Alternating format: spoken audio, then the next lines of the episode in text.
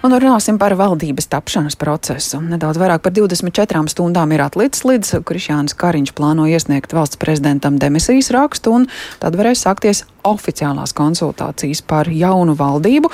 Tiesa, šovakar jaunā vienotība arī plāno paziņot savu nākamā premjera amata kandidātu. Par šiem procesiem šorīt sarunāšos ar vienu no apvienotā saraksta dibināšanas iniciatoriem Ulus Pīlēns šorīt mūsu studijā. Labrīt! Labrīt!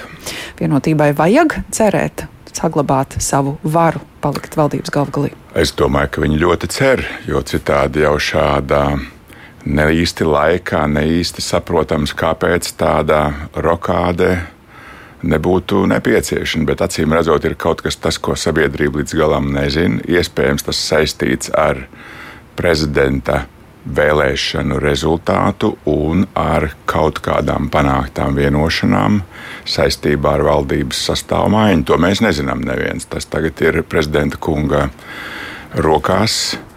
Nu, nav jau tā, ka jūsu mm, politiskā spēka kolēģi arī nebūtu teikuši, ka valdībā nav nekāda iespēja risināt jautājumus. Valdībai pietrūks dinamikas. Krišāns Kariņš pēdējās dienās tiešām ir izrādījies tas galvenais traucēklis valdības darbā, un tam piekrīt arī apvienotais saraksts. Man ir grūti saprast, ko nozīmē vārds dinamika valdības darbā. Ja valdība strādā perfekti, regulāri, komunicējot vienam ar otru, risina jautājumus, kas ir starp ministriju um, uzdevumi, tad praktiski nekāda papildus dinamika nav nepieciešama. Ja tas ir ja tas ir jautājums, kad katru dienu jāsaka, ir saņemamies, ja ejam uz priekšu vai kaut ko tamlīdzīgu, tas man liekas nepieder pie racionālas politikas. Līdz ar to līdzinājai valdībai kādi bija trūkumi vai tādu nebija? Es teiktu, ka valdībai kā vienmēr ir trūkumi strādāt efektīvāk, bet tas nav jautājums, lai um, premjeras demisionētu. Tas būtu punkts numur viens. Un otrs, lai mainītu ministrus, ja neviens no tiem ministriem, kā mēs zinām, Kariņš kungs gribēja vēl piekdienu mainīt ekonomikas ministru un, un reģionālās. Um, um, Vides un reģionālās aizsardzības ministru, tad bez neviena aizrādījuma Nu, tā man liekas, tas nenotiek. Tas nozīmē, ka ir kaut kur aizmugurē, ja pamatā ir kaut kādi citi motīvi, ko mēs līdz galam nezinām. Kā tas droši vien vienmēr ir politikā? Nezinu, nemāku jums pateikt, bet es zinu, ka šobrīd, tādos sarežģītos laikos, jo racionālāk ir politika, jo skaidrāk ir komunikācija ar sabiedrību par visiem jautājumiem, tā skaitā par personālajiem jautājumiem, jo skaidrāk ir uzstādītie uzdevumi un iezīmētas grūtības, jo visiem ir skaidrāk, kur mēs ejam, ar kādā tempā mēs ejam, vai mēs konstruktīvi ejam un kāds būs rezultāts no tā visa. Tad šī brīža racionālais risinājums, mazliet noliekot malā valsts prezidenta lomu. Jā ir uh, saglabāt līdzinējo valdību, aizpildīt ārlietu ministra un premjerministra vakances? Tas ir pats racionālākais risinājums, jo ir valdība. Manuprāt, šim laikam, kopš 1. oktobra, labākā iespējamā koalīcija, kāds nu ir saimnes rezultāts. Ir, bijis, ir bijusi un ir deklarācija, ir sadalīti uz, uzdevumi. Astoņus mēnešus valdība strādā. Varbūt efektīvāk, protams, aizpildīt pēc prezidenta vēlēšanām vakanci ārlietu ministru. Tas bija visvienkāršākais jautājums, un netaisīt riņķa dances ap juridiski nekorektu formulējumu, e, koalīcijas paplašināšana, e, vasarā veidot paralēlu valdības struktūru. Nu, tās ir lietas, kas man liekas tādā normālā, civilizētā sabiedrībā nav nepieciešams risināt kaut kur aiz, aizkūsēs. Valdība var strādāt, viņa, uh, viņa ir, ir, ir ļoti labā formā, lai strādātu kopā. Ja premjerministrs ir izdomājis atkāpties, tad papildus vienai vakancei ir vēl viena vakance, tad premjerministra vakance ir jāizpilda. Un koalīcija var turpināt strādāt pakāpeniski, efektivizējot vienas vai otras ministrijas vai ministra darbību, bet nenervozējot sabiedrību ar dažādām revolucionārām mūsu šobrīd nesaprotamām izmaiņām. Cits premjerministrs tā tik un tā ir cita valdība. Protams, viņi iet caur eh, demisijas prizmu, bet visvienkāršākais tehniskais risinājums ir vienkārši, lai varētu turpināt pārmantojumu tā pati koalīcija, premjerministrs no koalīcijas ārlietu ministrs no koalīcijas. Deklarācija tā paša, ja nepieciešama uzlabojuma, to vienmēr var papildināt deklarācija ar kaut kādiem punktiem, un valdība turpina strādāt. Ārlietu ministrs no jaunās vienotības? Piemēram. Premjerministrs? Koalīcija ir gana konstruktīva. Man tā šķiet, astoņos mēnešos, un manā izpratnē iespējams tieši valdības vadītāja Kariņa personības struktūra, vadības stils ir tas, kas varbūt bija visvairāk traucējošais. Jūsu personības struktūra. Nu, atceramies, jūs kandidējāt uz valsts prezidenta amatu. Jā. Valdības vadītāja amats uh, nu, nav pat vienos svaru kausos liekams, tas ir pavisam cits, droši vien krietni vēl intensīvāks darbs. Es domāju, um, satversme paredz um, premjerministra nominēšanu valsts prezidentam. Mums ir ievēlēts valsts prezidents, viņš ir sācis labu savu darbu. Uh, viņam ir sarežģīts uzdevums. Pirmais sarežģītais uzdevums. Viņš ir sācis konsultācijas. Es zinu, no pirmdienas ir sācis konsultācijas ar politiskiem spēkiem. Un uh, visu izsvarojot, es domāju, ka um, prezidenta kungs nāks ar pēc iespējas izsvarot lēmumu par šo pienākumu uzticēšanu kādam. Nu, es ceru no koalīcijas, ja, lai veidotu jauno valdību. Bet um, apvienotais saraksts šķiet bija pirmais, kas gribēja satikties ar valsts prezidentu. Jā, tam, tam bija cits izveidojos. motīvs, jo, kā mēs zinām, mēs pieteicām vizīti, ja es nemaldos, piekdienu uz pirmdienu, tad jau šajā nedēļā. Un nebija vēl Kariņa kunga demisija, bet tajā brīdī, kad mēs bijām pie prezidenta kunga, tas ir 13.30, vienlaicīgi notika ministra kabinetā preses konference, kur Kariņa kungs paziņoja par savu demisiju ceturtdienu, tad rīt. Tas mainīja dienas kārtību, jo mūsu uzdevums būtu bijis pateikt, ka e, citas valdības veidošana, mūsuprāt, ir nekonstruktīvs solis. Mūsuprāt, esošā koalīcija var strādāt. Un tas ir tas, kas bija faktiski tas konsultāciju pamattēma. Nu, tas, kas notika vasarā, Uh, kur valdības vadītājs aicināja sākotnēji uz uh, plašākas koalīcijas veidošanas sarunām, kur līdzinējā koalīcijas partneri teica, ka nav gatavi šim solim, tad te nekas nav mainījies. ZZS un progresīvie aizvien ir partijas, ar kurām jūs nesardzat iespēju sadarboties valdībā.